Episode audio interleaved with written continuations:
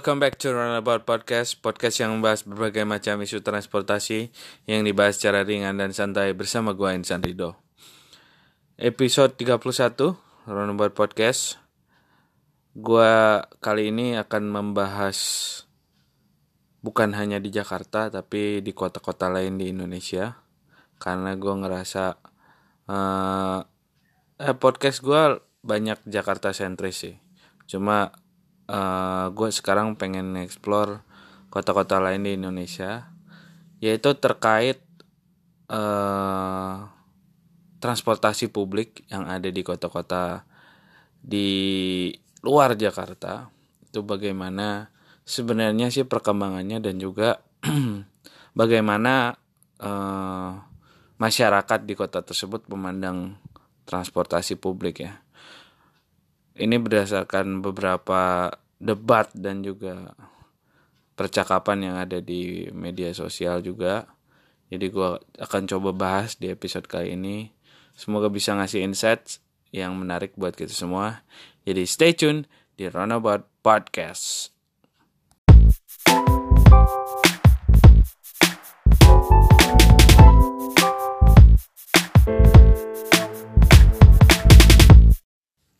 Oke, kembali lagi di Runabout Podcast.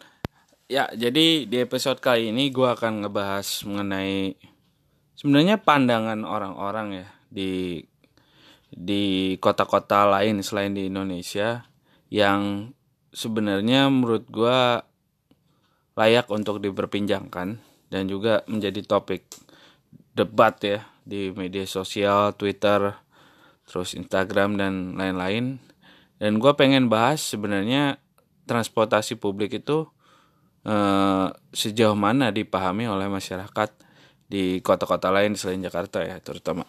Dan um, sebenarnya ini bermula dari uh, salah satu isu yang berkembang terkait uh, salah satu kota terbesar di Indonesia yaitu Surabaya yang menimbulkan perdebatan beberapa waktu lalu lalu terkait uh, transportasi publik yang ada di Surabaya.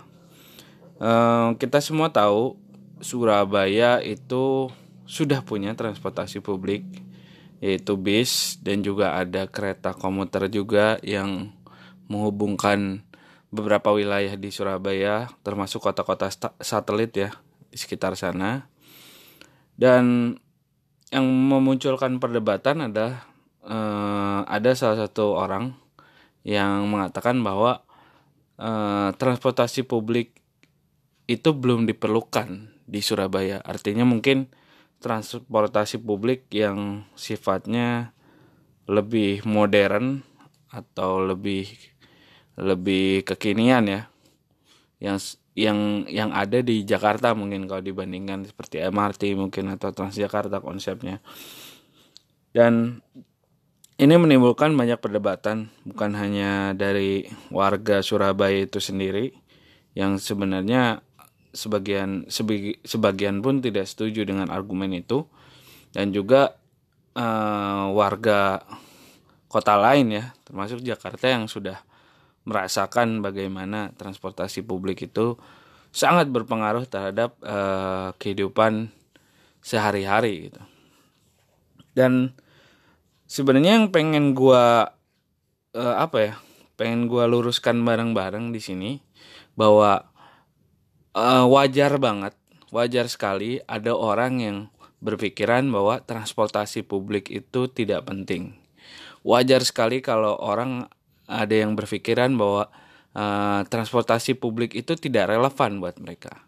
Karena ya mungkin selama ini mereka belum merasakan uh, bagaimana dampak yang baik dari transportasi publik gitu. Dan uh, itu wajar sekali karena tentunya tidak semua orang pun punya kesempatan untuk merasakan bagaimana transportasi publik itu, bagaimana kehidupan mereka itu bergantung pada transportasi publik. Dan tidak semua orang punya kesempatan itu gitu. Dan wajar banget gitu. Dan eh, yang harus kita sama-sama pahami adalah bukan menyalahkan orang tersebut yang mungkin tidak satu pandangan dengan kita ya.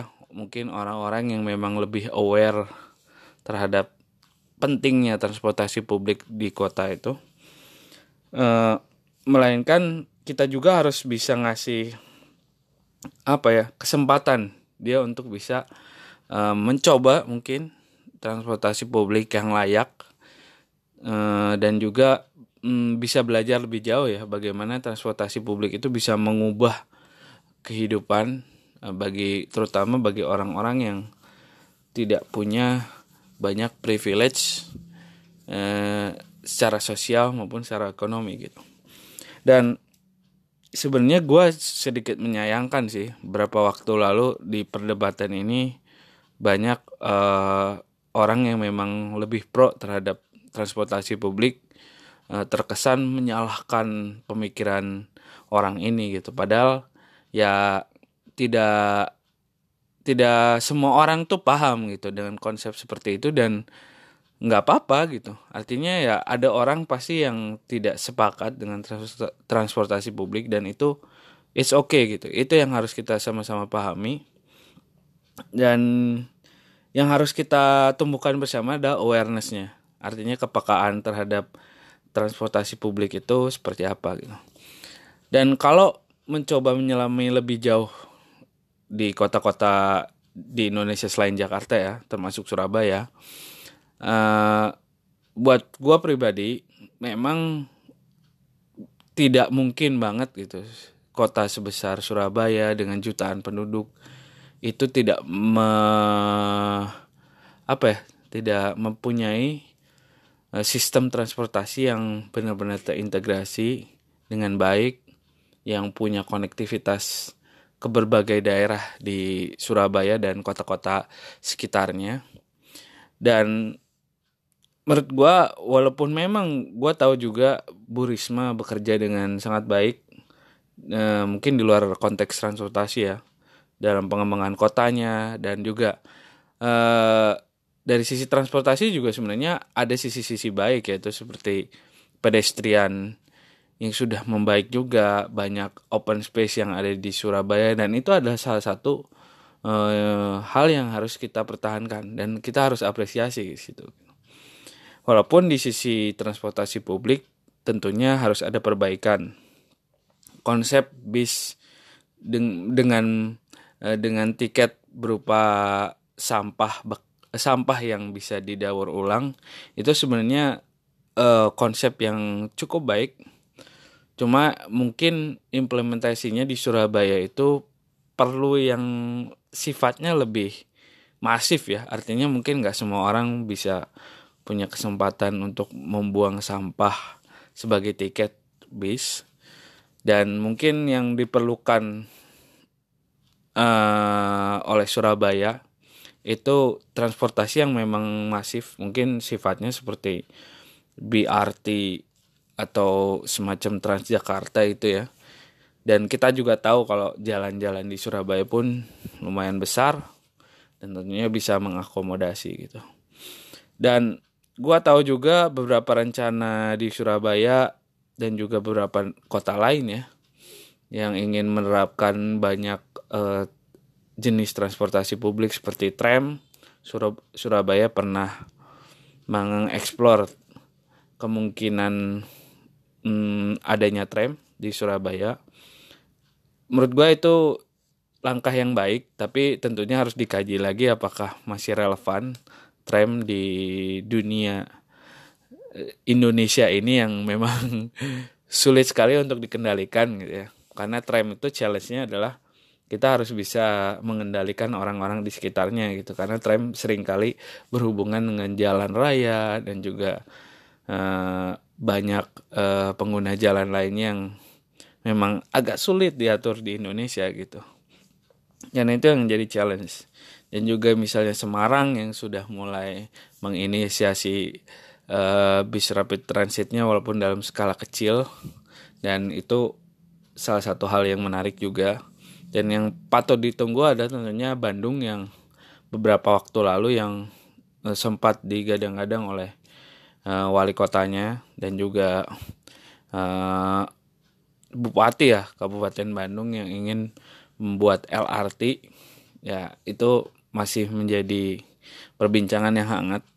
Dan gue berharap banget ini kota-kota lain di Indonesia bukan hanya di Jawa tentunya di Sumatera, Sulawesi, Kalimantan, Papua, bahkan Bali yang memang katanya bakal ada LRT juga itu bakal lebih banyak memikirkan infrastruktur transportasi publik secara lebih baik gitu.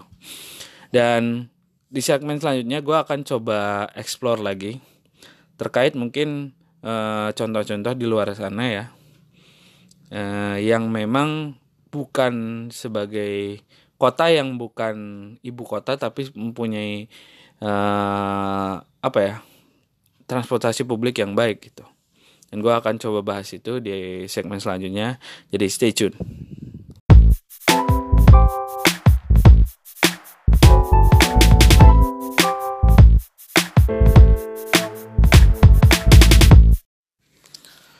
Oke, okay, welcome back to Runnerboard Podcast.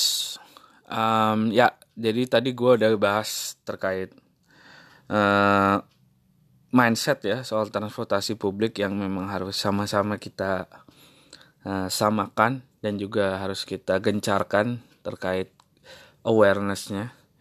Dan uh, gue sekarang akan sedikit menceritakan ya soal uh, mungkin contoh-contoh di negara lain yang memang memberikan contoh yang baik untuk kita bisa amati dan bisa kita tiru dan juga kita bisa implementasikan dengan cita rasa Indonesia uh, dan kita bisa ambil itu dan salah satu yang memang gue cukup uh, pelajari adalah uh, di Inggris. Jadi di Inggris itu uh, salah satu skema transportasi publik yang cukup unik ada di London.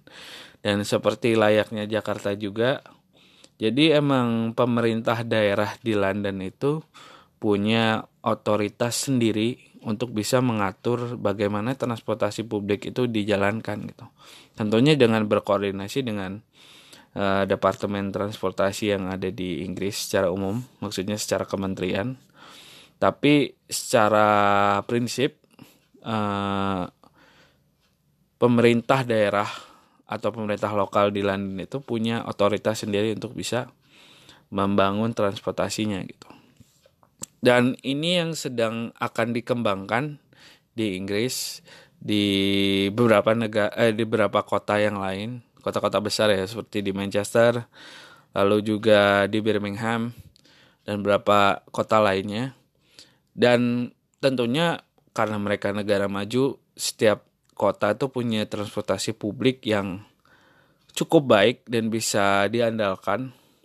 Walaupun banyak juga orang yang mengeluh ya terkait mungkin banyaknya uh, transportasi yang uh, dipangkas budgetnya. Tapi tentunya ada hal-hal yang memang menjadi standar yang harus dipenuhi gitu.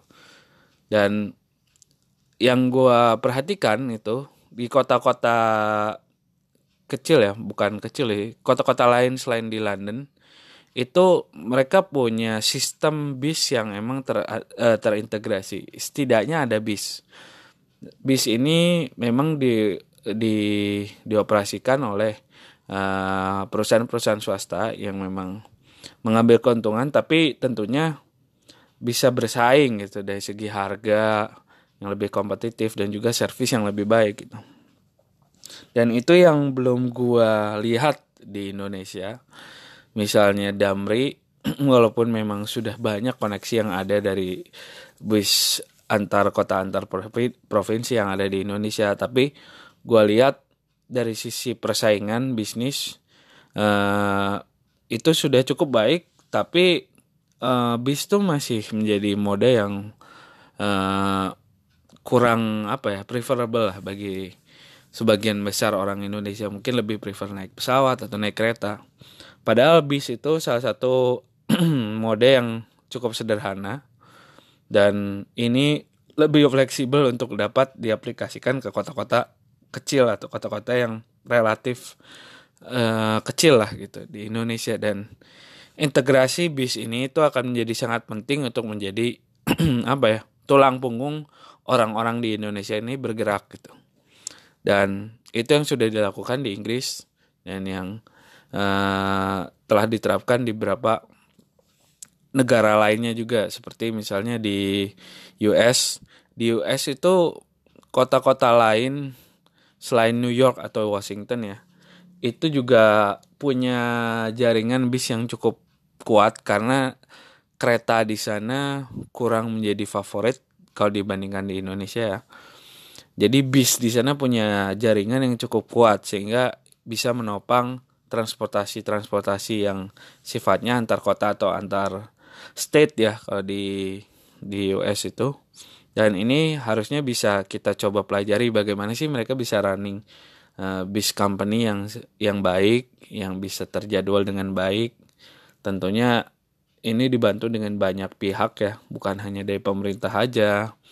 Pemerintah daerah juga, swasta juga tentunya punya andil untuk bisa membuat transportasi eh, antar kota dan antar provinsi dan di kota-kota yang kecil ini itu bisa bisa terbantu gitu ya dengan transportasi publik. Jadi mungkin itu aja yang bisa gue sampaikan di episode kali ini. Intinya uh, kita harus berpikir sekarang mengubah uh, pemikiran bahwa yang asalnya kendaraan pribadi itu sebagai sebuah privilege, kita harus balik sebisa mungkin sampai uh, transportasi publik itu yang menjadi privilege bagi kita gitu. Harusnya transportasi publik itu menjadi sebuah privilege untuk kita uh, bisa pegang, bisa kita dapatkan bareng-bareng sehingga semua orang tuh punya kesempatan untuk merasakan public transport gitu. Mungkin itu aja di episode kali ini. Semoga bisa ngasih insight buat kita semua. Kita ketemu lagi di Nanobot Podcast episode selanjutnya. Terima kasih and have a nice day.